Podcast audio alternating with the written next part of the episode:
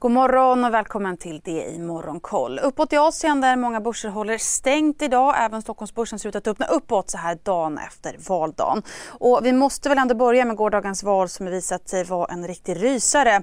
Med 94% av rösterna räknade så leder Ulf Kristerssons regeringsunderlag med endast ett mandat med 175 mot 174. Men fortsatt eh, finns som sagt röster kvar att räkna.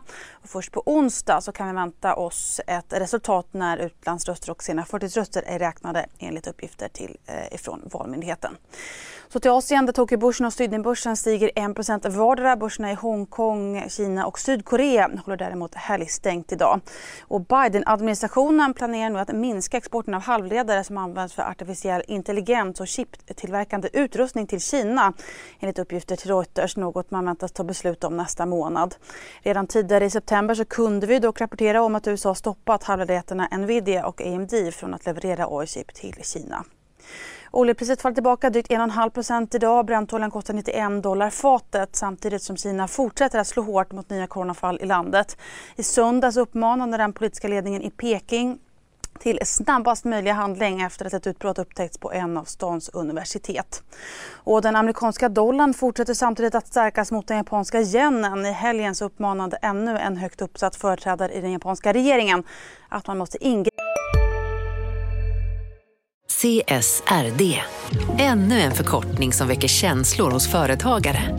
Men lugn, våra rådgivare här på PWC har koll på det som din verksamhet berörs av. Från hållbarhetslösningar och nya regelverk till affärsutveckling och ansvarsfulla AI-strategier. Välkommen till PWC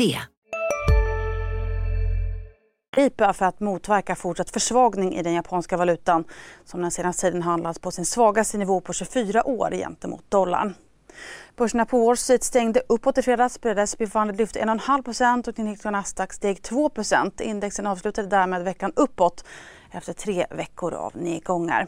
Marknaden ser nu fram emot det amerikanska inflationsutfallet på tisdag och frågan är nu om inflationen i USA nu faktiskt har pikat eller inte. Inflationen väntas i alla fall ha sjunkit något till 8% i augusti men marknaden förväntar sig trots det ännu en 75 punkters höjning från Fed vid nästa möte i september. Och så till Sverige och SCBs boprisindikator som visar skillnaden mellan hushåll som tror på stigande respektive fallande priser. Indikatorn steg till minus 40 från minus 42 i september. Samtidigt ökar hushållens förväntningar på en högre styrränta och förväntan ligger nu på 1,48% om ett år. Och så till fredagsbolaget Thule som vinstvarnar och bedömer att försäljning och resultat kommer att påverkas negativt fram till våren 2023 till följd av att cykelåterförsäljare världen över markant minskat sina inköp.